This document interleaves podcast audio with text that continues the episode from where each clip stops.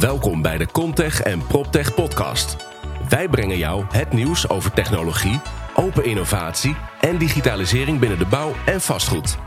Dit doen wij door start-ups, scale-ups, technologiebedrijven en natuurlijk first movers en innovators vanuit bestaande bedrijven te interviewen. Ik stel je graag voor aan de host van deze podcast, Wouter Truffino, de CEO en founder van Holland Contech en PropTech. Zo, we gaan van start. Goedemiddag, uh, dames en heren. Uh, we staan vandaag op de uh, Building Holland beurs en de RAI in Amsterdam bij de Future Proof Masterclass Gezonde Steden. We staan hier op een podiumje bij Future Pioneering Zone. En we gaan het vandaag dus hebben met een heel mooi panel over de gezonde stad. En wat we verwachten in de toekomst van gezonde verstedelijking en gezonde steden. Mijn naam is Wouter Onklin. Ik ben gebiedsontwikkelaar bij bureau Site. En wij werken in, uh, ja, in ons werk werken wij veel aan verstedelijking. En het begrip gezondheid wordt daarin steeds belangrijker. En dat is natuurlijk ook niet zo gek. We, zijn, ja, we kunnen denk ik geen, geen actueler uh, onderwerp verzinnen. Op dit moment in Glasgow staan de wereldleiders bij elkaar om het te hebben over de toekomst van de planeet. We zitten in de zoveelste golf van de coronapandemie. en we hebben een woningcrisis. Dus volgens mij een aantal hele grote urgente onderwerpen om aan te pakken. Die we allemaal wel in het onder het kopje gezondheid kunnen, uh, kunnen, kunnen vatten. We hebben een mooi panel vandaag met twee Jossen, dus dat wordt ongetwijfeld heel erg verwarrend. Jos Sentel, een manager strategie en research van Sinterklaas Achmea.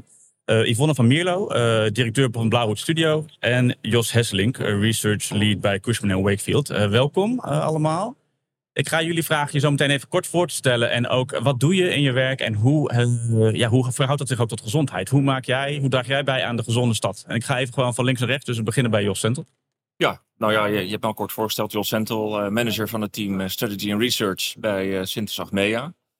daar doen we heel veel verschillende dingen. Ik noem ons wel eens het duizend dingen doekje. Maar dat is eigenlijk alleen maar heel erg, heel erg positief bedoeld. Ehm, want naast onderzoek ten behoeve van de projecten waarin we, of de objecten waarin we investeren, is ons perspectief ook heel erg gericht op de trends, ontwikkelingen uh, die op ons afkomen en die ons nou ja, doen en handelen gaan, gaan bepalen. Sinds Mea overigens is een investment manager, zoals dat officieel heet. Dus wij beleggen uh, mandaten van pensioenfondsen. Ook wel verzekeringsmaatschappijen, maar grotendeels pensioenfondsen. En dat doen we in vastgoed en in, en in hypotheken. Nou, als je dat dan combineert, het, het, het, het beleggen in, in vastgoed en het gefocust zijn op trends, ontwikkelingen, wat komt er op ons af?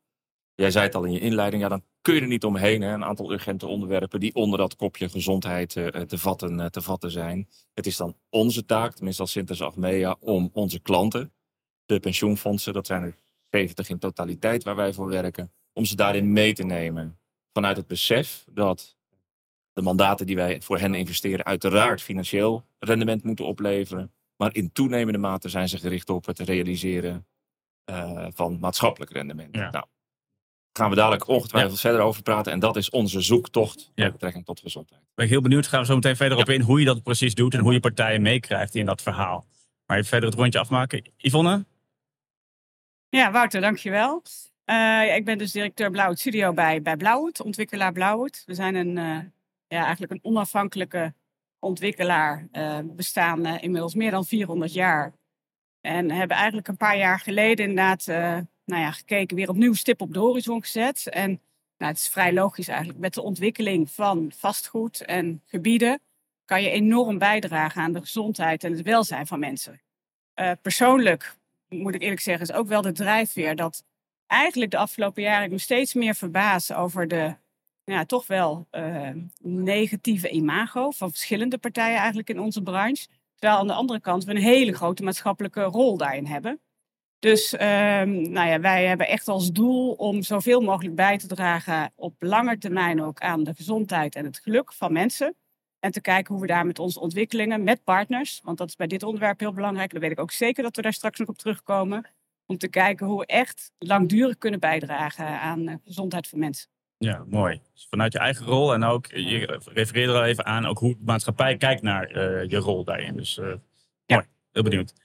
En als uh, laatste hebben we Jos Hesselink. Ja, dankjewel. mijn naam is Jos Hesselink. Ik ben dan de research lead bij Cushman Wakefield. En in die hoedanigheid verzamel ik en mijn team een hele berg data die we netjes registreren, bijhouden, verrijken. En ehm, kennis ophalen uit onze organisatie en weer teruggeven. We zijn een beetje een draaischijf van zowel marktinformatie, maar ook van, van, van trends en ontwikkelingen die wij zien. Daarbovenop ja, ontwikkelen we uh, visie. Maar we zijn natuurlijk elke dag bezig met die, met die materie. En die visie die, die, geven we terug intern, maar ook extern. Aan, uh, aan een nou ja, goed, grote verscheidenheid van, uh, van klanten, ontwikkelaars, overheden. En eigenlijk de laatste jaren uh, permitteren we ons steeds meer een, een, een, een, een, visie die ook heel erg rekening houdt uh, met, met overstijgende belangen. En zien wij het eigenlijk ook als onze verantwoordelijkheid om uh, partijen en deelnemers en met de mensen met wie wij samenwerken te wijzen op, uh, op aspecten waarvan wij denken dat ze meegenomen moeten worden. En gezondheid is daar overduidelijk een van. Mooi. Nou, dat is ons panel van vandaag. Uh, de eindbelegger, de ontwikkelaar en de adviseur. En het woord uh, verantwoordelijkheid viel ook al een aantal keren. Dus uh, denk ook over je eigen grenzen heen kijken van je eigen rol. Daar gaan we elkaar ook op, op vinden misschien vandaag. Misschien als eerste vraag. mag ik jou dat vragen, Yvonne? Um, wat versta je nou over, onder een gezonde stad? Wat betekent dat begrip gezondheid nou in, in de stad? En, en hoe draag je daar dan aan bij in je projecten? Uh, ja, het is natuurlijk begrip, het is maar net wat de definitie is en welke definitie je gebruikt. Die mogen we nu gaan maken, welke definitie. Uh, ja. Nou ja, wij hebben het nu heel vaak over, over welzijn eigenlijk. En welzijn vertalen we eigenlijk als de combinatie van geluk en gezondheid. Verschillende elementen. En ja, wat daarin heel belangrijk is, is de omgeving in de stad zo te krijgen dat mensen eigenlijk ook op, een, op een gelukkige manier en langer op een gelukkige en gezonde manier kunnen wonen die dat willen. En kijk je er op dezelfde manier uh, naar, Jos Sentel? Uh, ja, tenminste voor, voor een heel groot, uh, heel groot deel. Het, het, is een zoektocht. Hè? Tenminste, en daarom is het goed om dit soort gesprekken ja. te voeren met elkaar. Ja. Van hey, wat verstaan we er nou onder? In het voorgesprek hadden we het er al over. Het is het zoveelste containerbegrip hè, wat we in onze sector wel, wel kennen. En dat maakt helemaal niet uit. Want vanuit dit soort gesprekken gaat dan op een gegeven moment steeds meer focus ontstaan. Dus dat is een, dat is een belangrijke. Kijk, wij hebben het besef, of, of dat proberen wij richting onze klanten ook over te brengen, dat gebouw, um, tuurlijk, is celvulling in een Excel, zeg ik, zeg ik maar even heel plat. Hè, want je moet rendementen. Gebouw is celvulling? In een Excel, ja. in een spreadsheet. Oké, okay, ja. Ja, het is zoals het is, risico, rendement. Um, maar het is ook een middel om inderdaad nou ja, iets in levens van mensen te betekenen. Laten we eerlijk zijn. Mensen wonen er, werken er, uh, nou ja, leven er. En dan is het interessant om na te denken van hoe kun je dat gebouw dus laten werken uh, in het leven van, uh, van mensen. Ja. Zonder dat dat ten koste gaat. Hè, daar is even ja. een belegger aan het woord van dat, uh, van dat rendement. Nou, en daar zijn we met, met de verschillende stakeholders natuurlijk wel over aan het nadenken. Hè. Het mag natuurlijk niet te veel kosten. Nou, de vraag is of het, of het überhaupt geld moet kosten of dat het een andere mindset vergt. Want, want is het überhaupt een tegenstelling? Excel versus gezondheid? Uh, dat kan natuurlijk wel. Ja. Dat kan natuurlijk wel. Op het moment dat je voor maximalisatie van je financiële rendement uh, uh, gaat, kan ik me zomaar voorstellen, en ik druk me voorzichtig uit, dat dan ehm, zaken als duurzaamheid, een ander belangrijk onderwerp, hè, maar we gaan nu een slag dieper met gezondheid en allerlei andere aspecten eerder van de haak afvallen, omdat dat ja, dan een aantal basispunten scheelt in je rendement. Maar het hoeft niet. Het hoeft mij. niet. Want dat... uiteindelijk is het ook zo dat hè, de dingen waar mensen op zitten te wachten, uh, ze voor willen betalen. Ja, ook. Um, en het denken in kosten van de optelsom van kosten is gewoon niet hetzelfde als de waarde die het kan opleveren. Dus als Precies. je denkt vanuit Ja. waarde, heb je een grote kans, zeg inderdaad niet altijd, dus dat, dat dat wel bij elkaar eh, kan komen. Jos Hesseling, jij knikt. Uh, jij staat hard te knikken momenteel. Je bent het daar volgens mij mee eens. Maar je gaf ook al in je inleiding een beetje de, de, de, de strijd aan hè, die daarin zit. Aan de ene kant wil je dat optimale rendement adviseren. Aan de andere kant heb je een bredere verantwoordelijkheid uh, uh, naar de stad. Hoe, hoe kijk je, uh, luister je naar dit gesprek zo? Nou, ik zat ook hard te knikken bij, het, de relaas van, van Jos Sentel. Want ik, ik, ik, ik herken heel erg, en dan hangt het heel erg af met, met welke collega, met welke partij je samenwerkt. Uh, goed, welk belang precies prevaleert. Uh, een, een, een, een, relatie die bij Strategy Innovations, bij mijn afdeling binnenkomt, die vliegt hem op een andere manier aan als een, als een, als een Amerikaanse woningbelegger die hier naartoe gekomen is in zijn zoektocht naar rendement. En um, nou goed, uh, Jos had het al over de, over de, over de spreadsheet. Ja, ik, ik, ik durf de stelling wel aan dat, dat een aspect zoals gezondheid op dit moment nog niet echt in een formule verwerkt zit. En dan, ja, en dan, dan is het eigenlijk onze taak om, om, om inderdaad uh, um, ja, um, om kosten zijn geen uitgaven, opbrengsten zijn geen winst. Je moet wel aangeven waar precies zeg maar, het, uh, nou de multiplier zit. En die zit, hoeft niet altijd in het, in het financiële winstplaatje te zitten.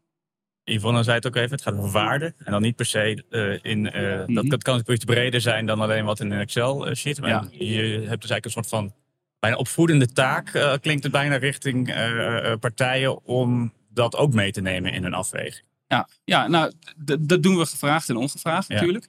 Ehm, sinds vorig jaar schreven we om de drie weken een, eh, een, een, een whitepaper in een soort van eh eh, feuilleton, eh, de waarde van de stad. En dat doe ik eh, met al mijn, eh, met al mijn eh, collega's. Eh, elke, elke editie weer prikken we een bepaald thema. Dus eh, gezondheid heeft daar een rol. We hebben een ode geschreven aan de woningbouwcorporatie. We kijken naar de regionale planningsopgaven. We kijken naar mobiliteit. We kijken naar de, de, de relatie tussen, tussen, tussen kapitaal en, en, en, en de creatieve beroepsbevolking in zo'n stad. Hoe, hoe bijt dat elkaar? Het heeft elkaar nodig en het, het stoot elkaar af. Het zijn hele interessante processen. Gentrification, is dat nou een vloek of zegen? Dus eh, zeg maar, op, die manier proberen we toch nou ja, richting te geven zonder nou opeens heel sturend te zijn. Ik klink bijna als een overheid, eh, Jos. Uh, allemaal thema's die uh, ook aan de publieke kant natuurlijk heel erg actueel zijn. Um, ja, misschien voor, even door, Yvonne. Um, kun je een voorbeeld noemen van een con concreet iets wat je toepast in je werk als het gaat over gezondheid? Van hoe maak je een gezond gebouw? Um, ja, liefst natuurlijk zo concreet mogelijk zijn. Ik heb ook de neiging om nog te reageren op Jos. Maar het mag ik zal ook, het Mag, ook. Mag nee, ook maar het is heel mooi wat je zegt en ook de onderwerp. En Ja. het klopt natuurlijk wat jullie zeggen dat er verschillend naar wordt gekeken of dat het wel is. Maar volgens mij is dat ook precies de opgave. We staan hier niet voor niks met drie verschillende partijen. Dit is een onderwerp wat je breed met alle partijen moet zien en moet willen, want anders krijg je het niet voor elkaar. En datzelfde geldt eigenlijk om wel antwoord te geven op je vraag van wat je dan concreet doet. Dat is ook niet per se alleen maar wat de ontwikkelaar doet. Het gaat erom dat je aan de voorkant echt en liefst inderdaad ook bewezen. Dus dat je met elkaar weet van welke elementen, welke factoren dragen nou daadwerkelijk bij aan het geluk en de gezondheid. Waarbij we weten dat de woonomgeving bijvoorbeeld bij huizen belangrijker is dan de woning om bij te dragen aan geluk. Dus dan heb je elkaar al per definitie nodig. Of De dat niet woonomgeving is belangrijker dan de woning. In die de- draagt meer bij aan het geluk dan de woning zelf. En als je dat weet, dan heb je ook meer te doen dan alleen maar eh, die woning neer te zetten. Ja. En ja, er zijn verschillende dingen. Je kan eh, met ontwikkelingen, bijvoorbeeld eh, als je concepten ontwikkelt, zo ontwikkelt dat mensen elkaar tegenkomen. Dan heb je het meer over de zachte kant. Dus dat mensen elkaar ontmoeten om eenzaamheid tegen te gaan. Dat is een belangrijk aspect van het geluk. Maar ook heel concreet praktisch. Met gedragsgericht ontwerp kan je zo ontwerpen. We hadden het er net ook eventjes al over. Van, eh, dat je eerder de trap tegenkomt dan die lift. Zodat mensen meer eh, gaan bewegen en daartoe worden uitgedaagd. Het gaat over de fysieke gezondheid van de bewoner. Het gaat over mentale gezondheid van de bewoner. Over geluk, over ontmoeting. Oké, Eh, mooi. De zachte kant. Jij hebt daar vorige week volgens mij met Provada ook iets over verteld, Jos Centel. Kun je daar eens over toelichten hoe je daar naar kijkt? Nou, eigenlijk ging die hele Provada er als het ware over. Hè? Daar waar duurzaamheid, eh, zoals ik al zei, een aantal jaar geleden het, het, het, het hete thema Ja. was, was het nog steeds wel. Zijn we nu inderdaad op een, gelukkig zeg ik ook vanuit mijn eigen eh, professionele perspectief, op een pad beland waarbij we aan het zoeken zijn van hey, hoe kunnen we met dit soort zachte factoren eh, um, onze weg vinden. En hoe kunnen we die eh, hard maken om er uiteindelijk, dat moet gaan gebeuren, ben ik hartstikke eens, om er ook datareeksen over te hebben. Hoe gaan we dan dingen meten? Nou ja, dan zijn dus, eh, sensors, hè, als het om echt binnenklimaat gaat en allerlei andere innovaties, eh, heel erg belangrijk. Ehm, maar ook gewoon het, eh, het, het logisch nadenken, het, het, besef, hè, waar ik er net al mee begon, wat een, wat een gebouw eigenlijk, eigenlijk is en wat je daar ja, met soms minimale ingrepen, eh, soms met geen ingrepen, maar met nudging, zoals dat heet, gedragsbeïnvloeding. Hoe betekenisvol zo'n gebouw eigenlijk kan, eh, eh, kan zijn. Of, en dat is de, de, de tweede stap, te gaan piloten, te gaan experimenteren. Nou, dat is in, in dit soort omgevingen eh, valt dat natuurlijk in vruchtbare aarde. Voor mijn achterban is dat wat lastiger, hè, want dat is, dat is eng. Dan moet je gaan proberen en dan moet je gaan testen. Maar toch doen we het. En dat is het interessante van, van een club als, als Achmea, waar wij als Sintes Achmea dan de vermogensbeheerder zijn. Maar waarbij ook een, ehm, een eh, zorgverzekeraar, hè, Zilveren Kruis natuurlijk deel eh, van de familie uitmaakt. Dan is het leuk om op basis van dat zachte thema gezondheid te gaan verkennen van hey, hoe kunnen we dat hard maken. Ja. Nou, en dat zijn we via een experiment of een pilot, noem het een concept, dat is een beter vastgoed of bouwbegrip, aan het ontwerpen, Ja. letterlijk. Dus zullen jullie, eh, jullie eh, eindbeleggers, de, de, de, de- geld, eh, waar het geld vandaan komt, de pensioenfondsen, die hebben ook steeds meer eh, oog voor maatschappelijk Ja, eh, eisen. ja. Dat is ook allemaal vertaald in eisen en dat soort dingen, met name op het gebied van duurzaamheid. Ja. Zie je die slag ook gemaakt worden voor gezondheid momenteel? Nog niet super, con- super concreet. Dat verschilt overigens ook per pensioenfonds. Hè. Dat is alleen maar, nou ja, goed wou ik zeggen. Tenminste, daarin onderscheiden de diverse pensioenfondsen zich ook, zich ook wel. Ehm, wat belangrijk is, dat hebben we ook bij duurzaamheid gezien. Dat gaat ook bij nou ja, de meer sociale of zachte factoren gelden. Dat er een bepaalde druk op eh, komt vanuit wet en regelgeving. Eh, laten we dat dan maar eens om, omarmen hè, als, als een soort van stimulans. Om het ook inderdaad bij eh, de, de achterban waar ik over spreek, of die ik representeer, om het daar tussen de oren te krijgen. Dus op een gegeven moment moet er gerapporteerd worden over duurzaamheidsprestaties, zowel aan de ecologische kant als aan de sociale kant. En dan is het de zoektocht welke factoren we daaronder laten vallen. Nou, het is denk ik een schot voor open doel om gezondheid daaronder te laten Ja. vallen. En wie kijkt er dan aan? Is dat een, een, een nationale eh, aangelegenheid? Of is dat, zijn het gemeenten die daar... eh, Die wetgeving, ja, die dat is wetgeving? Europese regelgeving. Europees, oké. Dus de, de- inderdaad, financiële instellingen of beleggers eh, moeten daar kwartaallijks of in ieder geval jaarlijks over gaan, eh, gaan rapporteren. Ja. Om inderdaad eh, de greenwashing die we vanuit de verduurzaming eh, kennen, eh, om dat te voorkomen. Er moet gewoon formeel gerapporteerd worden over hoe je ervoor staat met je duurzaamheidsprestaties. Ja. En dat heeft ook allemaal weer linken met, eh, nou ja, eh, Glasgow, noem het Ja. allemaal. Ja. ja. Jos Hesselink, je had het over data. Hoe helpt data hierbij? Hoe, wat, wat voor data heb je het over? Wat verzamel je? En hoe helpt dat om gezondheid meetbaar te maken? Ja, dat is een goede. Ja, die kun je op het, eh, op het gebouw ehm, projecteren. Die kun je op de omgeving projecteren. Nou, vanuit mijn specifieke invalshoek kijken we met name vanuit de omgeving. We houden vastgoeddynamiek bij. Dus je kijkt naar, naar het transactie-huurprijsniveau van bijvoorbeeld ehm, kantoorruimte, van woningen, van bedrijfsruimte. En ik zie hem veel meer vanuit zeg maar, hoe verschillende functies elkaar eigenlijk ehm, ondersteunen. En mijn take op gezondheid zit hem wat minder in de gebouwspecificaties zelf. Ehm, dat is een aspect ja, wat wij zeg maar, minder meten. Ik wil niet zeggen dat het een black box is, maar, maar dat, zijn af, dat zijn absoluut dingen die, ehm, nou goed, die een specifieke kennis en expertise veronderstellen. Ehm, ik focus met name op eh, hoe complementair zijn verschillende functies aan elkaar. En hoe kom je tot korte geografieën en, en, en, en Ehm, waarbij zeg maar, verschillende vastgoedsegmenten in een, in een goede symbiose met elkaar overgaan. En dan zie ik het met name in op het moment als vestigingsplaatsfactoren naar elkaar convergeren. Zeg maar, waar wil je wonen, daar wil je ook werken, daar wil je recreëren, daar wil je dat je hele leven is. Nou, dat is in grote steden, zit daar een enorme amplifier op omdat daar met name eh, eh, jongvolwassenen zich melden voor, eh, voor, voor, voor carrière en, en meer. Het zijn allemaal millennials of Gen Z's, hebben geen auto. Dus hun hele leven speelt zich af op één vierkante kilometer, waar werkelijk waar alles moet gebeuren. Dat is een hele mooie verklaring voor waarom het concept van Amsterdam binnen de ring zo'n gigantisch succes is. En, en waarom het zo'n enorme aantrekkingskracht uitoefent op eh, nou, met name techbedrijven uit, eh, uit binnen- en buitenland de laatste 15, 10 jaar. En waarom steden zoals eh, Rotterdam met een veel gefragmenteerdere opbouw van de, van de stad en haar beleving, zeg maar, daar, daarin wat, wat, wat achter blijft. Ehm, ja, ik zie het met name in een, een, een gezonde stad die gezonde inwoners, die rijke inwoners maakt en die succesvolle inwoners maakt. En nou goed, ik focus me daarin op thema's nou, waar we het in het voorgesprek al over hadden gehad. Over bijvoorbeeld eh, eenzaamheid in een stad. Op het moment dat je denkt van, als je bedenkt dat, dat, dat in een stad als Amsterdam en Utrecht volgt daarin ook een beetje, dat, dat bijna 60% van alle woningen die in deze stad staan, daar woont maar één iemand in. Dus kunt je voorstellen dat, dat dit soort thema's best wel actueel moeten zijn. En ik vind dat nou juist, ehm, nou moet ik zeggen, onze take op, op wat is nou gezondheid. André Jos sociale zei het ook al even. hè, Sociale gezondheid, ontmoeting. eh, en eigenlijk die, die, die woonomgeving die belangrijker bijna is nog dan de woning zelf. En de, eh, je zegt dus die, die gemengde stedelijke gebieden waar alles dichtbij is, is hetgene waar mensen uiteindelijk het gezondst of het gelukkigste leven. Ja, dat klopt. Zag het leven met corona ook al. Een, eh, ja. Zag het met, met de corona, dat, eh, dat, dat, dat, dat als een hele mooie versneller van al die structurele trends die al langere tijd aan, aan de gang waren. En eh, nou, iedereen eh, verplicht thuiswerken. Nou, dat was in, eh, dat, dat was in grote steden bepaald in sinecure. Want iedereen woont op, eh, op nou, wat is het, 50, 60 vierkante meter voor de hoofdprijs. En mensen willen graag weer naar kantoor. En op het moment dat ze in de pijp wonen, dan komen ze erachter dat ze met z'n allen um, nou, goed veroordeeld zijn tot het uh, Safati-park.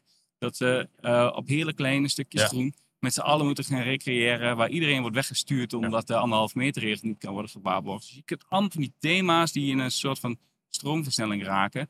Die, waarbij ik denk van daar, daar ligt voor onze sector zeg maar, verantwoordelijkheid om die op te pakken. Ja, ik woon toevallig in de pijp en ik kwam inderdaad in het begin van de lockdown erachter dat de rustigste plek op te hardlopen was het eh, industrieterrein eh, op een gegeven moment. Dus eh, af en toe eh, heeft dat wel zijn uitdaging als iedereen thuis zit tegelijkertijd. Het is ook een beetje het bruggetje naar de, de consument. Hè? Ehm, Yvonne, zou je dat, daar iets van over kunnen zeggen? Herken je de dingen die, eh, die Jos zegt? Is dat inderdaad wat mensen willen? Want je hoort natuurlijk ook heel vaak, ja, mensen willen ook gewoon een huisje met een tuintje. En, en, en, en, hoe, eh, hoe kijk je daar tegenaan? Ja, mensen zijn best verschillend. Hè? Je hebt verschillende soorten ja. mensen. Dus eh, in die zin is Oh, dat ja. mooi. Dus voor ieder wat wils. Ja, maar er zijn natuurlijk ook algemene elementen. En nee, ik herken dat zeker. En, en als ik dat ook hoor, dan denk ik ook, en dat zie je natuurlijk ook om ons heen met alle gesprekken die plaatsvinden, dat, dat we daar heel veel met elkaar over praten en al wel wat over weten, nog niet genoeg. Maar wat daar belangrijk is, dat mensen er ook echt profijt van gaan hebben. Dus dat betekent dat we het daadwerkelijk gaan doen ook. Want als wij als professionals erover praten, dan hebben die bewoners daar nog niet zo heel veel profijt van. En dat is denk ik precies als je het vergelijkt inderdaad met wat we eerder zeiden met duurzaamheid. Het is nu nog best wel moeilijk omdat we niet alle factoren hard hebben. Maar als we weten wat we mo- moeten doen, dan hebben mensen daar ook echt profijt van. Mhm. En ja, Jos zei net al van, hè, dat kunnen we ook doen met, eh, met wetgeving. Dat is een beetje, ik vind trouwens dat jullie dat heel goed doen om de wetgeving aan te grijpen, zeg maar, om versnelling te doen. Maar ja, het is ook best jammer als dat ervoor nodig is. En aan de andere kant is het ook zo, kunnen we hem ook positief benaderen. Wat je bijvoorbeeld nu al gebeurt bij duurzaamheid, zou je dat niet met geluk en gezondheid kunnen doen. Dat je door daar kennis op op te doen, daar doen we ook een aantal onderzoeken, ook samen onderzoek naar, zodat je dat kunt gaan kwantificeren. Dus dat je eigenlijk een bewijs gaat voeren en dat vervolgens bijvoorbeeld ook mee gaat nemen in prijsvragen. Dan hoeft het geen wetgeving te zijn, maar dan kan je bij selecties wel gewaardeerd worden op die positieve elementen, waardoor je ook ja, met elkaar hetzelfde belang hebt. En Ja. uiteindelijk die bewoners eh, daar ook baat, baat van hebben. Ja. Want ze vragen het wel, iedereen wil het. Iedereen wil gezondheid, iedereen wil geluk. Als je bepaalde specifieke oplossingen, bijvoorbeeld met nieuwe concepten, wij zijn veel met nieuwe concepten bezig om die eenzaamheid tegen te gaan, hoe mensen elkaar kunnen ontmoeten, hoe ze samen activiteiten kunnen doen om die eenzaamheid tegen te gaan.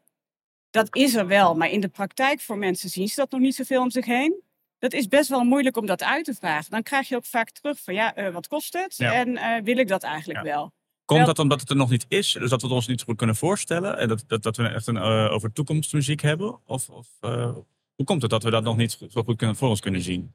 Ja, er zitten denk ik meerdere aspecten aan. Enerzijds is het er nog niet zoveel. Dus mensen zien dat niet om zich heen. Terwijl het wel een latente behoefte bijvoorbeeld is. Dus je kan wel doorvragen wat de onderliggende vraag is. En dan daar concepten voor neerzetten. En anderzijds vinden we het met elkaar ook best wel moeilijk om uiteindelijk te kiezen voor een vernieuwend concept. Want ja, als je dat doet en, en er gewoon maar mee begint, dan zie je natuurlijk ook op het moment dat je dat in de praktijk doet, en dat zien we ook regelmatig nu met onze projecten, dat bepaalde dingen toch net iets anders lopen dan dat je vooraf had kunnen zeggen. En dat risico moet je met elkaar echt willen nemen. Heb je één project in jullie eigen portefeuille misschien waar je trots op bent vanuit het, vanuit het gedachtegoed, vanuit het aspect gezondheid of geluk, welzijn? Eh, ja, het zijn meerdere aspecten bij projecten, maar een, duidelijke in Schiedam is, is Parkentree. Dat is dan echt gericht op eh, senioren. Waarbij ze een gezamenlijke tuin hebben, een gezamenlijke keuken, gezamenlijke activiteiten eh, ondernemen. En daar zie je ook echt dat er mensen op af zijn gekomen al in de co-creatiefase, waarbij die senioren echt veel tijd nodig hadden om te snappen wat het was, om te gaan bedenken, wil ik nou huren, wil ik nou kopen? En daar zie je dat het concept eh, werkt, omdat ze het heel interessant vinden. En daar zie je bijvoorbeeld ook dat we daar ook weer heel veel van leren, omdat eh, eh, mensen daar nog aan moeten wennen. Ja. Je hebt VVE's nodig, je hebt een bestuur nodig, je hebt de een die dominanter is dan de ander. Dus daar hebben we ook heel veel discussies over hoe je dat nou professioneel in, in de praktijk neer kan zetten. Voelt het dan ook niet een beetje als meer eisen, meer gedoe, het duurt langer, geduld noemde je ook? Is, kan het ook vertragend werken als je zo over je Ja, dat is altijd een beetje discussie op dit moment. Hè. Het gaat goed met de markt, dus Ja. dan heeft iedereen zoiets dat hoeven we niet meer sneller, te doen. sneller, ja. En dan eh, werken we met partners samen en die zeggen dan van, oh, moet het nu wel? Kunnen we niet gewoon door? Dus dat was heerlijk in de crisis, dat je gewoon eh, dat moet doen om, om je project voor elkaar te krijgen. Ja, en uiteindelijk volgens mij is dat, nou ja, in mijn optiek is het heel helder. Als je aan de voorkant mensen betrekt en weet op basis van die behoefte wat je doet, dat krijg je aan de achterkant acht keer terug door en geen faalkosten, mensen die blijer zijn, mensen die eerder een beslissing kunnen nemen, eh, partners die weten waar je het over hebt. Dus dat zou een no-brainer moeten zijn. Ja. Jos Central, jij wil even reageren erop. Ja, nou ja, spijt op de kop. Hè. Tenminste, er is niet één woonconsument. We hebben heel veel verschillende mensen waar we het voor moeten doen. En als ik hem nog één niveau hoger, hoger til, ja, zijn we misschien wel met iets heel groots bezig. Hè. Dat begrip eenzaamheid, jij hebt het nog, juist nog, ga ik hem ook nog een keer noemen. Eh, Want vanuit ons onderzoek blijkt inderdaad dat 50% van alle Nederlanders zich toch met enige regelmaat sociaal eenzaam voelt. Hè. Je hebt eenzaamheid in verschillende soorten en maten. Een schokkend getal, dus in die zin gewoon een maatschappelijk probleem van heb ik jou daar. Dan het besef dat je daar inderdaad in die gelukkige en gezonde stad echt een rol in kunt, eh, kunt vervullen. Ehm, en waarom zeg ik het, of zou moeten vervullen, en waarom zeg ik dat? Vanuit onderzoek blijkt ook dat, dat die eenzaamheid, hè, dat kan nou ja, zo nu en dan zijn dat je op de bank zit van nou, hè, ik weer Netflix te kijken, ik noem maar even iets. Ehm, maar het blijkt gewoon dat op het moment dat je dat vaker hebt, ja, dat je, ga je je ziek voelen. Dan hoef je nog niet ziek te zijn. Als het nog langer duurt, ga je echt ziek worden. En dat is onderzoek inderdaad. Ik, ik, refereerde er net al aan, aan onze collega's bij Zilveren Kruis. Dat dat een hele belangrijke factor is in, in het kader van de maatschappelijke last die we met elkaar eh, dragen. Wat is het op dit moment? 110 miljard euro zorg, eh, zorgkosten. Met een steile lijn naar boven. Ja. Over 10 jaar iets van 160, 170 miljard. Nou, dan maak ik hem misschien wel heel erg, eh, heel erg groot. Maar daarin zit denk ik de uitdaging voor bouw en vastgoed. Van wacht eens eventjes. Op het moment dat je dus wel vanuit besef, vanuit onderzoek, steden anders vormgeeft, programmeert, gebouwen anders exploiteert. Door die gemeenschappelijkheid. Hè. Je, hoort het, je hoort het zeggen, gedeelde functionaliteiten. Gaan we dan eenzaamheid oplossen? Nee, natuurlijk niet. Tenminste, die grote broek wil ik niet aantrekken. Maar op het moment, en dat is de uitdaging waar we met elkaar voor staan, kun je, en dat is een mooi begrip voor, monetizen, kun je het, kun je het vertalen. Nou, wat gaat het opleveren? Ja, dan zijn we, dan zijn we de spreadsheet voorbij, waar ik er net in mijn Ja. eerste betoogje al op, eh, op eh, duidde. Ja. Je kunt dat dan monetizen en kun je dan ook, ook een of andere manier daar instrumenten voor ontwikkelen dat dat ook aan de voorkant geïnvesteerd kan worden in, in, in, in, in je Nou ja, je krijgt hele andere partnerships, of heb je nodig, eh, zou ik zeggen, en arrangementen om dat, eh, om dat te regelen. Want nu is het ontwikkelaar-belegger Ja. hè, in veel, eh, veel gevallen, of ontwikkelaar-corporatie, de gemeente op afstand, de adviseur, de, doet zijn plas en alles bleef zoals het was. Hoe, hoe zeg je dat ook alweer? Nee, er moet, moet veel anders op, op andere manieren samengewerkt worden om die hogere doelen. En dan, eh, dan spreek ik eh, natuurlijk echt voorbij dat, dat financiële rendement waar we het eerder over hadden. Maar dat komt dan ook wel goed, verwacht ik. Ja, want dat, is watgene wat, wat, wat achterblijft van deze discussie. Je hebt elkaar heel erg hard nodig. We hebben het over gezonde steden. Ja. En dat red je niet met gebouwen. Dat heb je, red je met eh, openbare ruimte speelt daar een rol in. En voorzieningen, gemengde. ge- Dus, dus we kunnen dit ook niet alleen oplossen. Ehm, zie je daar in die samenwerking die je dan nodig hebt, gaat dat goed? Gaat het de goede kant op? Ontwikkelt dat de goede kant op? Zit de, zit de overheid aan dezelfde kant van de discussie en tafel als, als, als, als jullie? Eh, ik lig bij jou neer, Jos. Vooralsnog wel, Ja. denk ik. Tenminste, als ik het switch mag, eh, mag afbijten. Want Ja. ik denk dat iedereen daar een mening over heeft. Want we zijn het eens. Dus niemand kan het oneens zijn. Dat Nee. zeiden we net ook. Ja, we zijn altijd allemaal voor gezondheid. Dus maar dat- eh, absoluut, absoluut. Maar nu gaan we een fase in, vermoed ik, zomaar dat we het gaan hard maken. Ja. Ja, en dan kom je natuurlijk wel eh, op, op een ander niveau terecht, ga je andere gesprekken voeren. En dan ben ik benieuwd. Tenminste, eh, het- vraagt om een andere mindset. Niet meteen stelling nemen van ik sta hier, jij sta, eh, sta daar. Nou, volgens mij moeten we nog zo lang mogelijk proberen aan dezelfde Ja. kant van de tafel Ja. proberen blijven te staan. op een gegeven moment heb jij vanuit je beleggers heb je de, de, de druk om op een bepaalde manier te doen. Dat zijn eisen die komen dan ook weer bij jou terecht, Yvonne, vanuit, de, vanuit de ontwikkeling. En, is dat dan ook niet, eh, kom je niet tegenover elkaar te staan? Omdat jullie eh, misschien al die ambities opgestapeld niet waar kunnen maken, of het te veel is, of dat je dan uiteindelijk keuzes moet maken. Oh, dan kunnen we wel dit doen, maar, maar niet dat. Eh, Ja, sowieso dat stapelen, dat, dat geeft wel de uitdaging. Maar hoe je me aangeeft, dat wil eigenlijk zeggen dat je dan toch ergens al iets niet goed doet. Ja. Want het moet niet zo verschillend zijn. We weten dat die eisen er zijn, maar die zijn natuurlijk ook wel gebaseerd op het realiseren van iets. En dat moet niet zo verschillend zijn. Dus wat Jos net zei, denk ik, is, is het allerbelangrijkste dat je datzelfde doel voor ogen hebt. En dat was ook jouw vraag hè, over uh, wat je in gemeentes merkt en bij overheden. En ik denk de, de, de wens om dat met elkaar te doen, dan kom je er wel uit. Wat een belangrijke daarin is, is wel aan de voorkant met elkaar, dus welke partij het dan ook is, proberen inderdaad niet altijd alleen maar te stapelen, maar je echte uitgangspunt en je doelstelling voor ogen te houden. Zodat je in de route ernaartoe hier en daar wellicht wat kunt aanpassen om dat doel te bereiken. En dat vind ik soms nu nog wel een uitdaging. En het verschil tussen gemeentes is daar ook wel groot in. En uh, nou ja, sowieso niet om te wijzen, maar je ziet ook positief dat een aantal gemeentes door bijvoorbeeld capaciteitsgebrek of door ervaringen uit het verleden eigenlijk veel meer gaan vertrouwen, ook juist op partners. Dat merken wij ook in samenwerkingen, bijvoorbeeld door uh, partnerselecties in plaats van inhoudelijke selecties, waarbij je elkaar echt goed in de ogen kijkt en zegt van oké, waar staan we straks? En laten we een gedeelte gewoon opengooien. En als we ergens tegenaan lopen, dan weten we dat we eruit komen, maar we willen dit bereiken. Ja. En dat mag, vind ik, nog veel meer.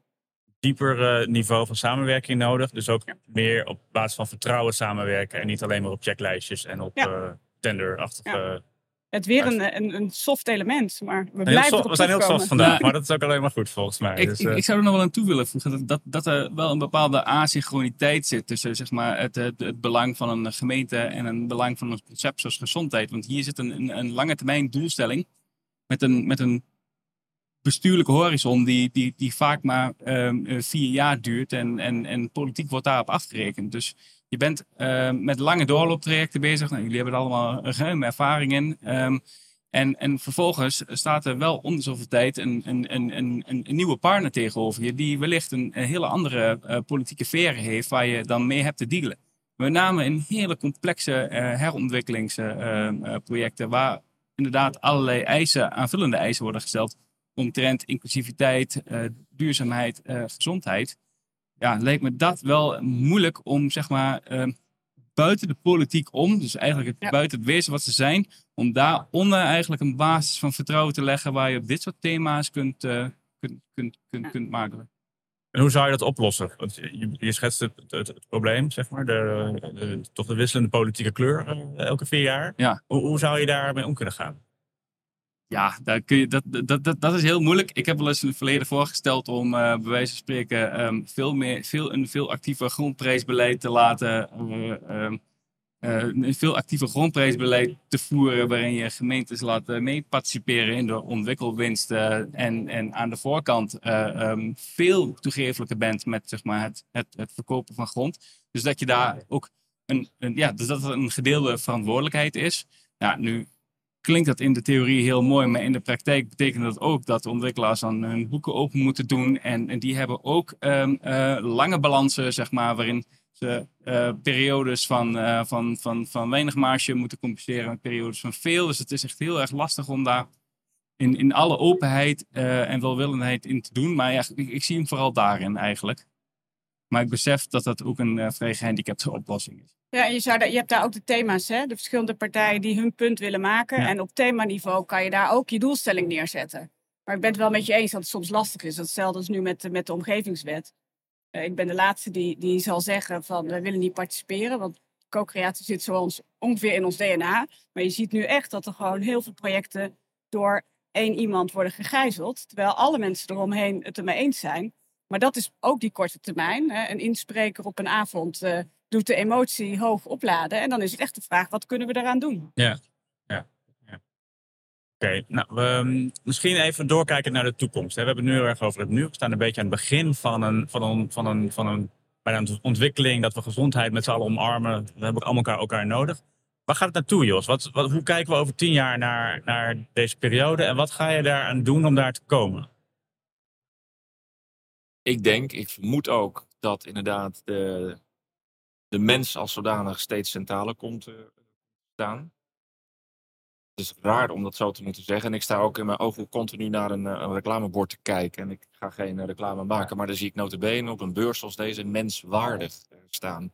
Nou, vind ik mooi om te lezen. Hè? Tenminste, het moet geen holle frase zijn. Maar als dat ook al een begin is in de lijn van ons, van ons gesprek. Die komt dan ook wel steeds meer eh, op het moment dat die, die waarde, hè, jij noemde het ook al, eh, als belangrijk begrip, steeds centraler stellen. En technologie gaat ons daarbij helpen. Eh, we hadden het er straks ook al over dat mensen dadelijk met QR-codes kunnen meten hoe gezond een gebouw is, of misschien wel een wijk. Dat levert de stuurinformatie op waar we met elkaar wat aan, aan hebben. Dus die stad wordt gezonder, gebouwen worden gezonder omdat we ontwerpers hebben, we hebben ontwikkelaars, we hebben beleggers, we hebben adviseurs die daarin aan het meedenken zijn op dit moment. Ik denk dat die versnelling er heel snel aan zit te komen, veel sneller dan met, eh, met duurzaamheid. Ja. Eh, urgentie wordt wel, eh, wordt wel gevoeld. Dus ik ben optimistisch in zekere, in zekere zin. Maar dat vergt los van die andere arrange- arrangementen waar ik al over sprak, ja, een, een soort mindshift bij, Ja. bij iedereen. Ja. En waar, waar zitten de barrières? Waar, waar voel je die het meest? Is dat, eh, voel je die ook intern in jullie eigen Oh, organisatie? zeker, zeker. Eh, net zo Kun je, goed als kun je dat benoemen? Van wat dat, Ja, ja, ja, zeker. Net zo goed als dat er verschillende type bewoners zijn, ja, zijn er ook verschillende type professionals. Ik werk in een relatief blauwe organisatie, als jou dat iets, eh, iets zegt. ja, Dus die houden van zekerheid. die houden van zekerheid, die willen die Excels omarmen die. Ehm, en die willen in de achteruitkijkspiegel Ja. kunnen kijken op basis van die data hè, waar, waar jij het over, over hebt. Dus het, het hard maken van datgene wat nu nog als zacht wordt, eh, wordt gezien, daarin zit de belangrijkste barrière. Is het het hard maken van wat zacht wordt gezien of het zacht maken van de blauwe mensen? Hoe, hoe- je kan ook een, op een andere manier uh, Ja, dat heb ik wel geleerd in het kader van dat soort persoonlijkheden. Dat, dat bouw je niet zo makkelijk, eh, Nee. makkelijk om. Dus helaas, tussen aanhalingstekens, is het zo dat we dan inderdaad in hun.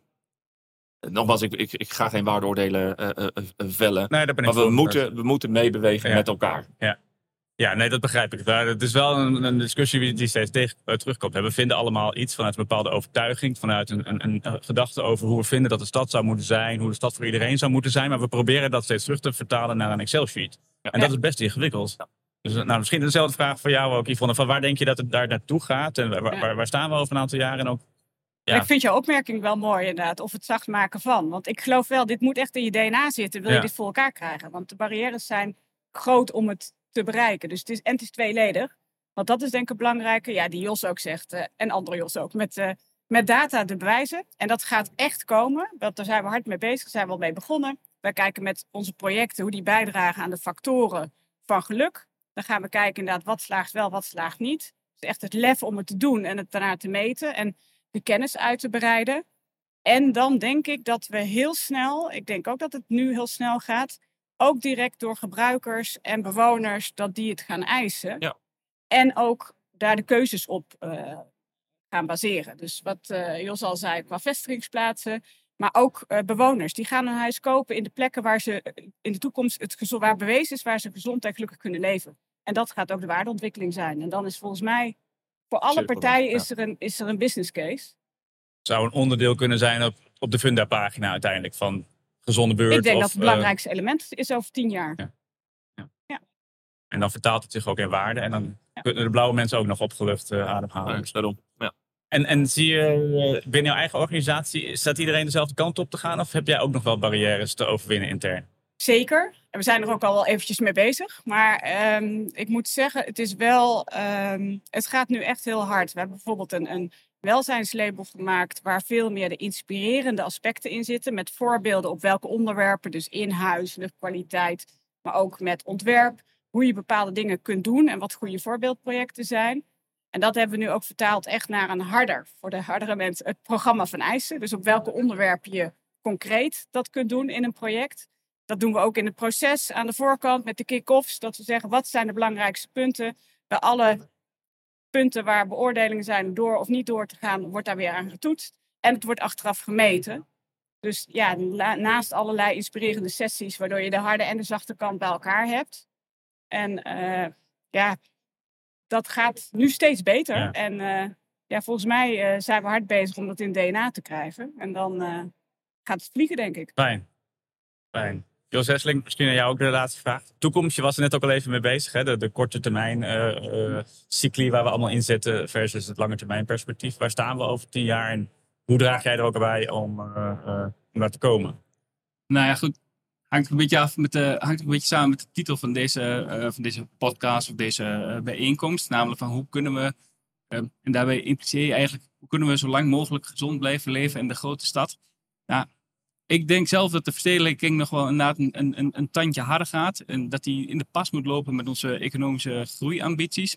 Dat het op dit moment heel erg snel gaat. Dat de druk ook vanuit internationale bedrijven en internationale werknemers, die allemaal steeds beter de weg naar Nederland weten te vinden, dat we ons binnen niet al te lange tijd in een vrij mondiaal speelveld bevinden. Als, als Amsterdam, als stedelijke regio, maar ook Nederland als, als stedelijk veld, denk ik dat daar volledig voor moet worden ingezet. Willen we onze economische ambities uh, waarmaken?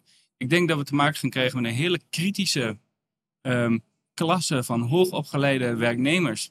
Die graag wil, wil vertoeven en werken in een stad waar zij vinden dat ze thuis horen. Nou, bijvoorbeeld Amsterdam, dat tikt echt alle boxes aan van, van de identiteit waar, uh, waar zich uh, goed bij voelen. Maar die zijn ook zo weer weg.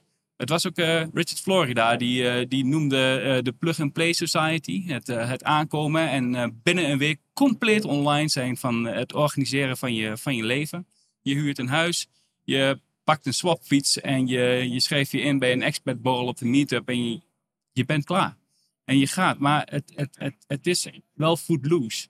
Snap je? Dus op het moment als wij zeg maar, aspecten rondom gezondheid, leefbaarheid, groen, op het moment dat we daar niet over nadenken en we blijven zeg maar, achter die grote internationale partijen aanjagen die alleen maar met hun zoektocht voor rendement hier bijvoorbeeld kopen, enerzijds. En anderzijds hebben we te maken met die footloose gebruikersgroep, die zo weer weg is als het ergens anders beter is.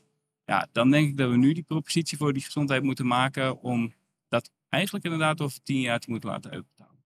Mooi, dus je koppelt hem ook echt aan de duurzame economische ontwikkeling van het land. Nou, dan zijn alle mensen met, Excel-sheets ook weer tevreden volgens mij. Dat, uh, is natuurlijk altijd goed meetbaar en, uh, en prettig. Um, er zitten ook een paar mensen in de zaal. Ik weet niet, heeft er iemand nog een vraag aan het, uh, aan het panel? Ja, wilt u even hier komen? Want we nemen hem op in de, in de microfoon praten. Als ik heb een vraag, die heeft betrekking op gezondheid natuurlijk, daar gaat het ook over. Ik denk als je mensen werkelijk gezond wil maken, dan moet je ze natuur aanbieden. Maar ik hoor u eigenlijk niet zeggen, u hebt er heel veel verstand van. Maar ik denk dat elke stad, vooral Amsterdam, als eerste stad van Europa wat mij betreft, een natuurgebied zal zijn. Ik, ik heb daar eigenlijk, mijn, dat is mijn kernvraag op. Wij zijn natuur. U bent natuur, ik ben natuur. Daarom stel ik de vraag over natuur. Hoe zorg je er nou voor dat Amsterdam als eerste stad van Europa potentieel de jungle is, waar de mensen naartoe willen komen, zoals meneer net formuleert?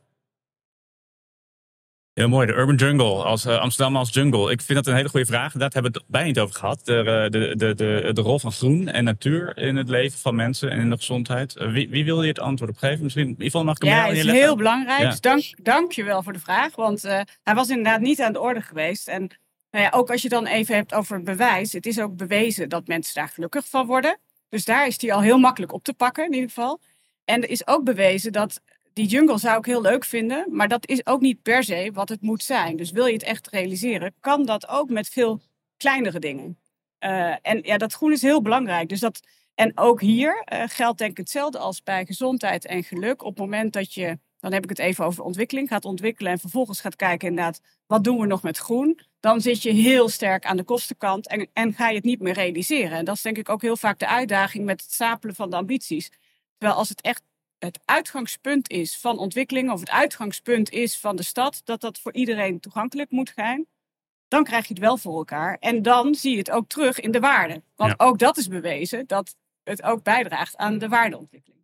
Jos, zetten we ook even reageren? Nou, uh, kort, een hele terechte vraag inderdaad. En het, net zo goed als een gezond binnenklimaat zou, zou de, de, de aanwezigheid van groen, tenminste of dat meteen de urban jungle moet zijn, is, is dan vraag 2. Daar hebben we geen zeggenschap over, omdat met dit groepje in Amsterdam voor elkaar te krijgen, was haast een hygiënefactor. Tenminste, dat moet je voor elkaar krijgen. Groen, en, en daarom vroeg ik nog even het woord, is voor ons ook belangrijk in het kader van klimaatadaptatie. Uh, inderdaad, hè, dat overtollige regenwater en, en de hittestress in, in steden. Dat is nog eens een andere afslag die ik nu neem in het kader van gezondheid. Hebben we ook niet aangestipt. We kunnen nog een vervolg plannen, maar dan is groen inderdaad onmiskenbaar een waanzinnig belangrijk element. Ja, we zien het ook steeds vaker terug. Hè? De groene torens uh, zien we ook overal verschijnen. Hier in de buurt bij de Valley, de Wonderwoods in Utrecht. Dus groen in de stad, als, echt als onderdeel van de, van de stedelijke omgeving. Een belangrijk. Bedankt voor uw vraag. Goede toevoeging. We komen zo langzamerhand aan het einde van de tijd die we hebben voor dit gesprek. Um, dus ik wil jullie vooral heel erg hartelijk bedanken. Um, hebben jullie misschien nog een, een, een laatste boodschap of een, een, een, een uitsmijter waar je ons mee achter wil laten? Misschien Jos, over een rijtje af. Mag heel kort. Nou, ik zou, ik zou nu graag willen weten inderdaad wat het gezonde bi- binnenklimaat in de RAI zou, eh, zou zijn. Heb je de QR-code nog niet gescand, Jos? zijn, we, zijn we hier gezond bezig of doen we dit volgend jaar in de buitenlucht? Ja. Ja, dat zou natuurlijk wel heel erg leuk zijn. Er staan wel allemaal plantjes om ons heen, dus Ja. dat is wel Ja, een goed begin. Ja. Ja. Yvonne. Nee, wat ik zei, dat het ook belangrijk is volgens mij om dat in in dat DNA te komen. Dus ik denk dat het voor iedereen heel belangrijk is die dit eh, hoort, om er zelf ook over na te denken. Enerzijds persoonlijk, wat draagt nou bij aan je eigen gezondheid en geluk? En daarnaast professioneel, welke rol heb je om dat daadwerkelijk voor elkaar te krijgen? Mooi. Jos, als laatste. Ja, ik ga hem toch maken. Maar het is echt ook een beetje je gezond verstand gebruiken. En de wetenschap ook pakken. Dat, je hem, eh, dat, dat het geen moedje is. Weet je? Het, is het is geen belasting of zo voor de stad. Hier wordt iedereen beter van. Dus, dus- dus op het moment als je, als, je, als je die vrijheid tot je laat. Dan kom je tot veel betere concepten. Als dat je denkt, ah, dat is het volgende vinkje wat ik weer af moet, af moet vinken in mijn, in mijn projectlijst. Heel mooi. Dus zeggen, met andere woorden, volgens mij eh, iets heel vergelijkbaar. Het moet echt vanuit onszelf komen, vanuit ons DNA. En daar hebben we ook elkaar allemaal voor nodig om daar te komen. Over grenzen heen kijken. Ehm, dank jullie wel voor dit gesprek. Ehm, we, gaan, we zijn nog niet helemaal klaar, want we hebben zometeen nog twee pitches. En dan gaan we ook over Urban Jungle gesproken. Hebben we eh, een aantal eh, eh, ja, sprekers die ons gaan vertellen over hun bedrijf, hun onderneming. En hoe zij ook kunnen bijdragen aan de, aan de gezonde stad. Ehm, volgens mij, jij was de eerste geloof ik hè? Dus echt, de, onze panelleden mogen even gaan zitten. Maar jullie mogen zo meteen wel even wat vragen stellen als Daan klaar is met zijn, met zijn, met zijn pitch. Goedemiddag, mijn naam is Daan Grasveld. Ik ben een van de mede-initiatiefnemers van de Urban Jungle Project. Daar ga ik jullie vandaag wat meer over vertellen. Dank voor het mooie bruggetje, Stef, mijn eh, collega. Mooie, mooie vragen na een interessant panel. Was niet ingestudeerd trouwens. Ehm, ik wil beginnen met een vraag. En die voelt een beetje als een open deur na het eh, mooie panel wat we net hebben bijgewoond en de rijke discussie. Eh, maar ik ga hem toch stellen. Waarom zouden jullie niet op deze plek willen wonen? Wouter Warm. Andere ideeën? Misschien wil je er wel wonen. Suggesties? Beetje weinig groen. Droog, saai. Ja, precies. Volgens mij evident dat we hier liever niet willen wonen. Maar waarom willen we dan wel hier wonen? Want hoe anders is dit beeld dan het voorgaande plaatje? De versteende stad, eigenlijk best wel monotoon beeld. En dit is toch in dit geval Tokio. Maar eh Dakhla in Bangladesh, nog erger. 44.500 mensen per vierkante kilometer. En dit zijn de steden van de toekomst waar wij hutje-mutje als mensen op elkaar wonen. Nou, is net al aangehaald de leefbaarheid van die stad. Super belangrijk richting de toekomst om daar gezond te kunnen wonen. En we zien eigenlijk die ontwikkeling van urbanisatie, dat steeds meer mensen in de stad gaan wonen. De voorspelling eh, is dat in 2050 75% van de wereldbevolking in de stad woont. En eh, we zien door urbanisatie steeds meer problemen ontstaan in de leefbaarheid van de stad. Ehm, hittestress enerzijds, slechte luchtkwaliteit. Eh, steden hebben steeds meer moeite om de wateropgave te managen. Enerzijds soms heel erg droog, anderzijds soms heel erg nat. Een verschraling van de biodiversiteit. En een groene stad is toch eigenlijk gewoon een prettige plek om in te wonen dan een grijze stad. En waarom is dat zo? Nou, daar is net uitgebreid over gesproken, dus daar hoef ik niet te lang bij stil te staan. Maar volgens mij heeft dat te maken met het feit ehm, dat we efficiëntie waarderen boven kwaliteit.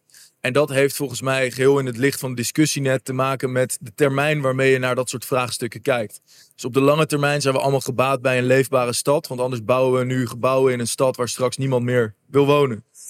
Maar hoe vat je die termijn en al die kwalitatieve drijfveren in een Excel-model voor de blauwe mensen waar het net over ging, om dat ook op waarde te kunnen schatten? Hele interessante discussie.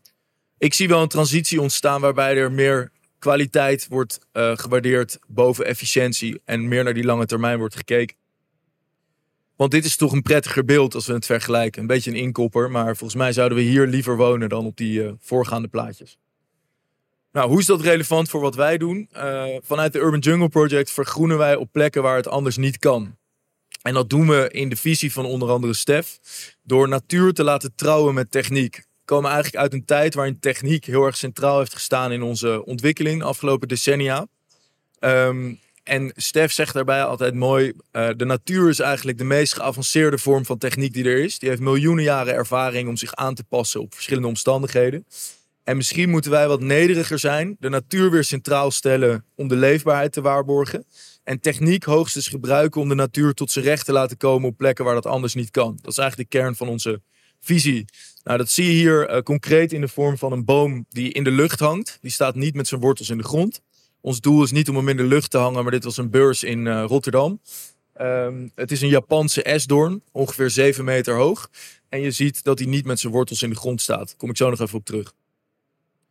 Ons doel is om op die manier jungles in de stad te bouwen. En er werd net ook gediscussieerd over, moet dat dan een jungle zijn? Uh, voor ons is dat een best wel rekbaar begrip. Uh, we moeten dat denk ik benaderen als kleine postzegeltjes, die wel onderdeel van een groter geheel zijn. Eén boom in een stad heeft weinig impact, maar als iedereen een boom in een stad op zijn dak zet, heb je een heel ander beeld en een heel ander klimaat.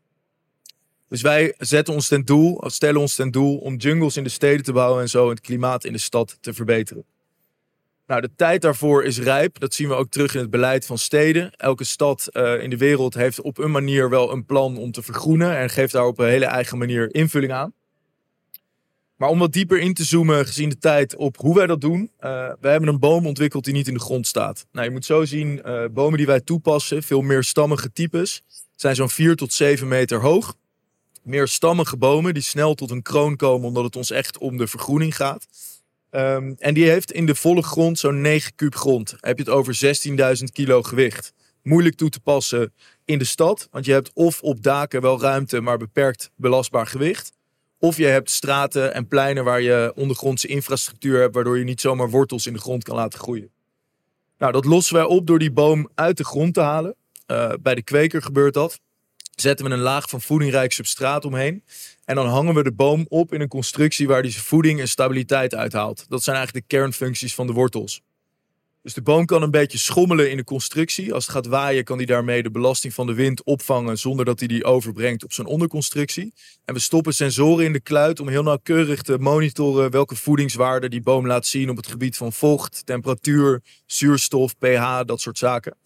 En dat vormt weer het uitgangspunt om ons uh, nutrition management system, die boom eigenlijk te conditioneren met de voedingswaarden die die nodig heeft. Nou, daarbij opgemerkt dat als je een boom in de volle grond kunt zetten, moet je dat altijd doen. Dit is toch een beetje een boom aan het infuus leggen, negatief gezegd.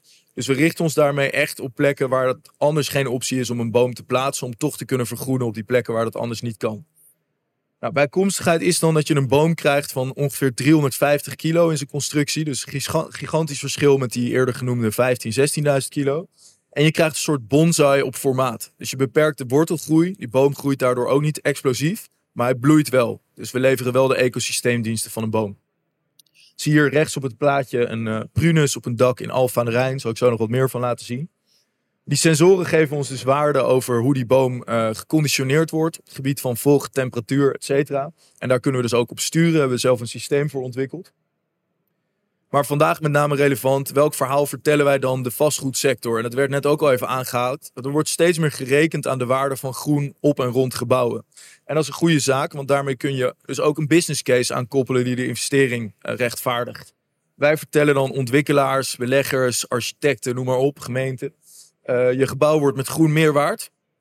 Je verbetert de kwaliteit van de gebruiker, of het nou commercieel of uh, woningen is, of welke vorm van vastgoed dan ook.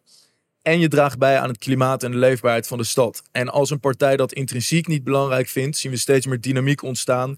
Dat het vanuit vergunningen, certificeringen, subsidies wordt opgelegd. Of vraag vanuit de markt, die gewoon eist dat een gebouw duurzaam of groen is. We doen dat in een servicepropositie. We werken van ontwerp naar realisatie en onderhoud, want we werken met levend materiaal. Uh, dus we kunnen niet zeggen dit gaat per definitie zo lang mee. Uh, maar we willen daarom heel graag betrokken blijven bij de projecten die we hebben uitgevoerd, zodat we enerzijds garantie op kwaliteit kunnen geven. In de natuur gaat ook wel eens een boom dood. Proberen we dan uh, verantwoordelijkheid voor te nemen. En anderzijds vormt ieder project daarmee ook een proeftuin voor ons om onze ontwikkelingen door te zetten en te voeden met data. Klein voorbeeldje, project in Alphen aan de Rijn, uh, in het winkelcentrum, uh, eigenlijk de winkelstraat, de Kalverstraat van uh, Alphen aan de Rijn. Er was een ondernemer met een schoenenzaak en die wilde op zijn dak een daktuin realiseren voor de drie lagen nieuwbouw appartementencomplex die hij daarachter had ontwikkeld. En de architect had daar vier bomen in getekend, maar ze hadden maar 250 kilo per vierkante meter belastbaar gewicht. Hebben een ontwerp voor gemaakt. Dat hebben gerealiseerd en uiteindelijk is dit het eh, resultaat. Dus daar komt die integrale benadering in terug. Dus we hebben hier eh, een boom met beplanting in modulaire kratjes.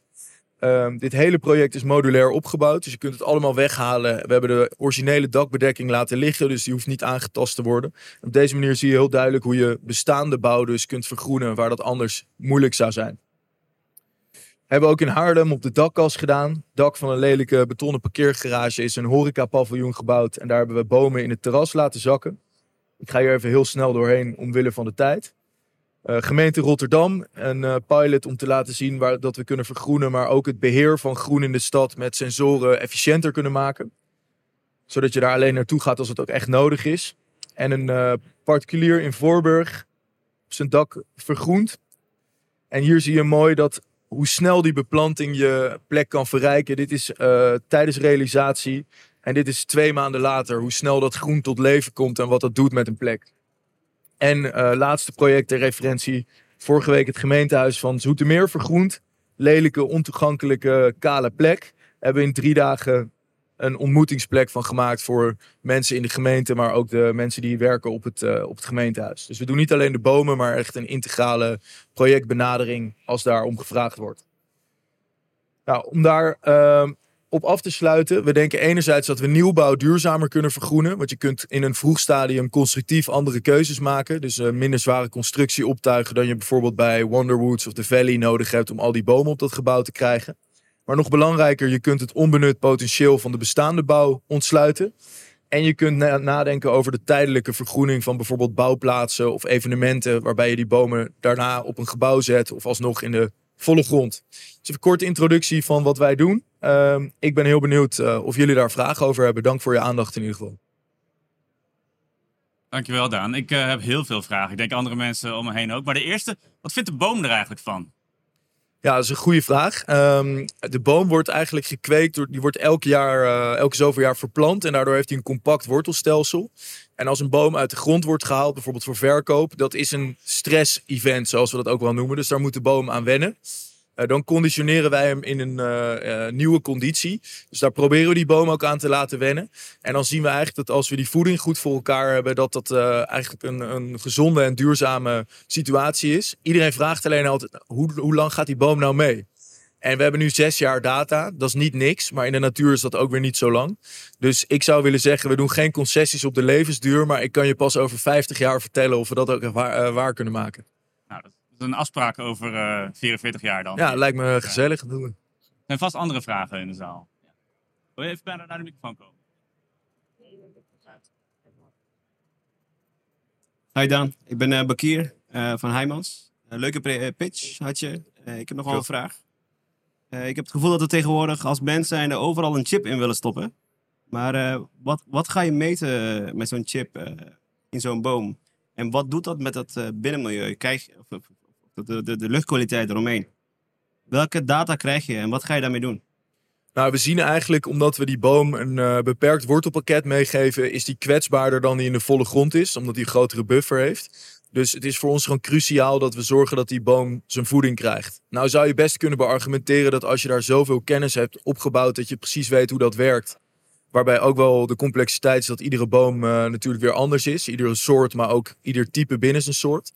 Uh, dus dat is ons doel, om, om die voeding goed voor elkaar te hebben. Daaromheen kun je met sensoren ook meten wat jouw boom aan uh, toegevoegde waarde voor het, het klimaat eromheen biedt. Dat is meer, denk ik, onderzoeksgedreven, door kennisontwikkeling.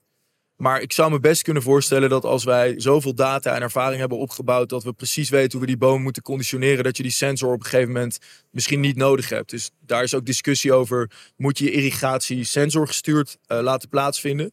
Of moet je die kennis gestuurd laten plaatsvinden, waarbij sensoren alleen maar een middel zijn om die kennis te vergaren? Dus terechte opmerking. Laatste vraag dan. De volgende pitcher staat ongeduldig ja. klaar. Dus, uh... Ben ik klaar. Um, heb je naast bomen nog andere technieken wat jullie toe kunnen passen? Want naast bomen kan je ook denken aan gevelsystemen, wat je kan vergroenen, of daksystemen, uh, wat je kan vergroenen. Hebben jullie dat soort systemen ook? Ja, dus die beplanting die je zag rondom de bomen, die passen in modulaire kratjes toe. Die zweven boven de dakbedekking. En daarmee kunnen we eigenlijk als alternatief voor sedum een veel rijkere, uh, biodiversere beplantingslaag toepassen. Uh, nog steeds licht gewicht, uh, die super makkelijk toe te passen, maar ook weer weg te halen is. En dus eigenlijk veel meer doet voor de omgeving dan de, de standaard uh, mos-sedumdaken doen. Mooi. Dankjewel, Daan. Uh, ik denk dat we nog veel meer vragen hebben, uh, leven onder het publiek. Maar je bent hier nog ik wel geloof ja, ik. Ja, dus uh, nou ja, schiet Daan aan, zou ik vooral zeggen. Dankjewel. Dankjewel. Ik denk dat we meteen doorgaan, hè? Ja, dank jullie wel. mooie, mooie panel over de gezonde stad en een mooie presentatie over de Urban Jungle Project. Ik ben Marloes van Heteren, ik ben van Studio Solarix. En wij ontwerpen energieopwekkende gevelpanelen. Oftewel zonnepanelen die er ook heel mooi uitzien. En wat heeft dat nou met een uh, gezonde stad te maken? Dat ga ik jullie uh, vertellen. Um, ik begin alvast met, uh, met een kleine um, samenvatting van waarom wij denken dat energieopwekkende gevels ook bij kunnen dragen aan een gezonde stad. Enerzijds reduceren we natuurlijk de CO2-uitstoot, wat betekent dat er minder fijnstof in de lucht is. anderzijds maken wij dakoppervlak vrij door energie op te wekken in gevels, waarbij het dakoppervlak weer gebruikt kan worden voor vergroening. Is natuurlijk ook circulair. Um, en vervolgens uh, ja, ziet het er natuurlijk hartstikke mooi uit. Ik zal um, de presentatie gaan laten zien. Oh.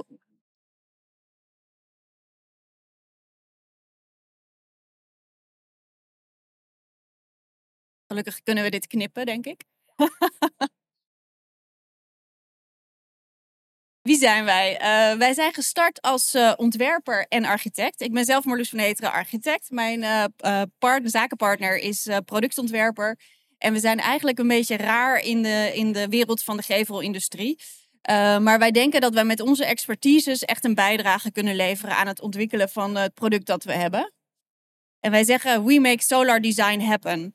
wij zijn eigenlijk een van de eerste die vijf jaar geleden zijn gaan nadenken over hoe kun je zonnepanelen nu uh, mooier maken. Want het moet worden toegepast in de gebouwde omgeving en alleen met zwarte panelen gaat dat niet lukken. Uh, dus we willen dat mooier gaan maken. Wij willen die techniek en de design uh, gaan combineren. En wat wij doen, wij ontwikkelen, ontwerpen en leveren dus die energieopwekkende gevels. En daarmee realiseren we de duurzame gevels. En waarom zijn we dit gaan doen? Nou, we hebben het ook al uh, vaker natuurlijk uh, voorbij horen komen. Er staat een enorme uitdaging ons te wachten op het gebied van het klimaat. global warming, dat wil je voorkomen. Je wil die CO2-uitstoot voorkomen. En wij denken met onze gevelpanelen daar een flinke bijdrage aan te kunnen leveren. Uh, ik vertelde dit verhaal ook twee weken geleden op de basisschool van mijn dochtertje. Die is acht jaar. Dit zijn niet mijn kinderen, maar kinderen van mijn collega. Maar wat je hier ziet, uh, typeert heel erg waarom we dit doen. We doen dit echt vanuit een intrinsieke motivatie om de, om de, ja, de wereld iets beter te maken. En die vieze stinkfabrieken, die wil je gewoon niet meer. Daar zijn natuurlijk oplossingen voor. Je kunt lokaal energie op gaan wekken door middel van de zon. daar zijn ook allerlei voorbeelden voor. Maar hier uh, is wat ons betreft een uh, probleem mee. Uh, en dat is dat het niet, niet mooi is. Architecten en ontwikkelaars kunnen hier niet mee uit de voeten. Dus wat wij gezegd hebben, waarom gaan we die energietransitie niet mooi maken? Dus het combineren van design en de techniek. toen ik dat in de klas van mijn dochtertje vertelde, toen zeiden ze gelijk als oplossing allemaal handen omhoog. Ja, we moeten een kleur maken, we moeten het in kleur maken. Nou, en dat is precies wat wij, wat wij gedaan hebben. Dus ze werden heel enthousiast van, de, van dit beeld. Uh, dus wat wij doen is eigenlijk een, een standaard zonnepaneel. Uh, daar hebben we een, een kleurcoating overheen, of een keramische print eigenlijk. En dat paneel, dat, dat combineren we met een montagesysteem, zodat het eigenlijk in allerlei gevels toepasbaar is. En wat, wat maakt ons nou uniek daarin? Dat is die kleurtechnologie. We hebben heel veel onderzoek gedaan naar hoe kunnen we ja, de beste kleurbeleving krijgen in relatie met de beste opbrengsten. En we willen ook dat het een, een, een paneel wordt wat een beetje textuur heeft, waar een soort ambacht in zit, uh, waar, ja, waar iedereen gewoon eigenlijk een beetje blij van wordt. We hebben twee collecties uh, inmiddels uitgebracht. Uh, we hebben heel veel samplepaneeltjes. We staan hier ook naast, op de op, naast hier op de beurs. Daar kun je ook nog even gaan kijken. dit is de eerste dot-collectie. ik ga daar ook even snel doorheen van willen, omwille de tijd. Uh, in de dotcollectie hebben we geprobeerd om wel een, een, kleur te maken die is opgebouwd uit verschillende um, ja, andere kleuren die dicht bij elkaar liggen, zodat het paneel op afstand ook gewoon een hele mooie um, textuur heeft. En als tweede collectie hebben we de lijncollectie. En daarin zijn die ambacht van de lijnen zijn weer verwerkt in, in de panelen. We hebben ook een aantal projecten uh, gerealiseerd. Ons eerste project is uh, Kuipers in Helmond, 150 vierkante meter uh, gevel. we hebben ook in, in Groningen een project gedaan. daar hebben we een, een bladnerfstructuur op, op de panelen ontworpen. En dit is eigenlijk een heel mooi project wat ook past binnen de visie over gezonde steden. project Varos in Hoofddorp. Zij wilden daar de Healthiest Working Community of Europe van maken. Er zitten heel veel innovaties in en dat begint allemaal bij de ambities aan het begin van het project. Uh, en die zijn er heel veel ook ingebleven. Uh, die gouden band, dat zijn eigenlijk de, onze Solarix-panelen, dus de energieopwekkende uh, panelen. En ja, wat je hier dus ook ziet, is dat we op het dak hebben we groen dak kunnen toepassen, omdat we ook die energieopwekking uit de gevel halen. Dus zowel op de eerste verdieping als op het bovenste dak is een, is een groen dak. En uh, ja, hier zie je het, op uh, ja, wat, uh, wat ooghoogte niveau, hoe dat, hoe dat eruit ziet. En ja, het, het, grootste compliment is eigenlijk dat mensen het een heel erg mooi gebouw vinden, maar eigenlijk niet eens zien dat er energie wordt opgewekt. dit is een project, het bovenste, dat is vorige week opgeleverd, de Schouwburg in Middelburg. we zijn zowel bezig met renovatie en nieuwbouw. Renovatieprojecten gaan natuurlijk allemaal wat sneller dan de nieuwbouwprojecten. Uh, een basisschool in Amsterdam. We zijn in Brainport Smart District bezig met appartementengebouwen. Uh, appartementengebouw in, uh, in Delft, waarbij echt heel erg wordt gekeken van hoeveel energieopwek hebben we nou nodig met, met de appartementen die we realiseren en hoe kunnen we dat in de gevel opwekken. Dus het is eigenlijk ook een beetje een parametrisch ontwerp. We zitten ook veel in tenders, omdat ze met name in Amsterdam uh, ja, de banknormeringen heel erg uh, streng zijn en je wel energie moet opwekken in de gevels. Um, en ja, met onze panelen kunnen architecten daar echt gewoon zonder afbreuk te doen aan hun esthetische uitgangspunten heel energie-neutraal gebouw maken. Hier nog even een samenvatting van waarom zou je nou die gevelpanelen doen? Nou, één, we, we, we maken CO2-impact, um, ehm, of die verkleinen we eigenlijk uh, doordat we energie opwekken, lokaal. Uh, er is een groot oppervlak gevel beschikbaar. Je moet je voorstellen, er zijn zoveel gevels. En uiteindelijk willen wij dat al die gevels energie gaan opwekken.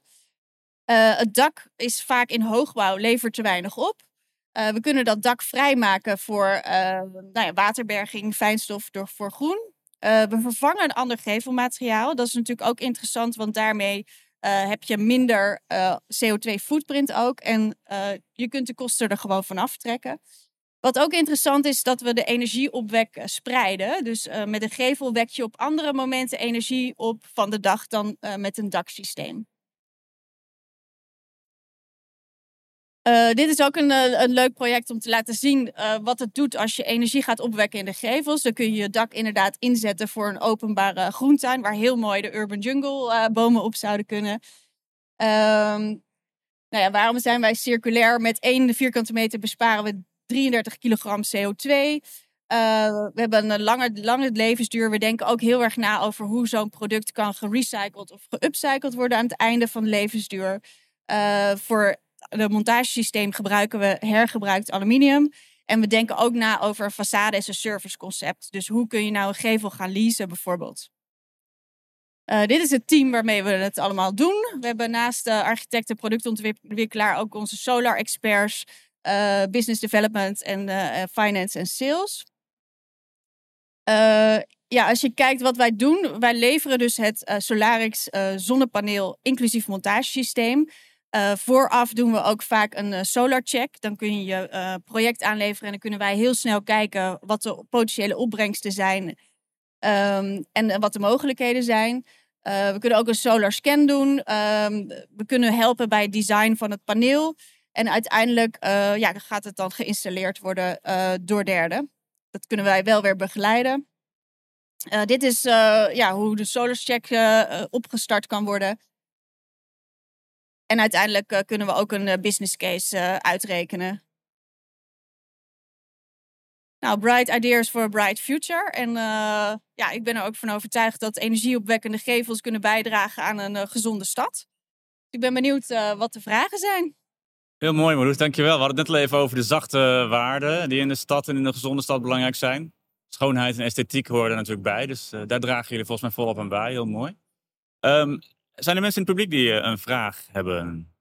Ik heb zelf wel eentje, misschien technisch. Van hoe verhoudt, eh, hoe is de, de opwekcapaciteit per vierkante meter ten opzichte van een normaal, een, een, een traditioneel zonnepaneel? Is dat Ja. hetzelfde of is het heel anders? Ja, nee, ten opzichte van een, eh, een traditioneel zwart zonnepaneel eh wekt ons paneel 20 tot 25 procent minder op.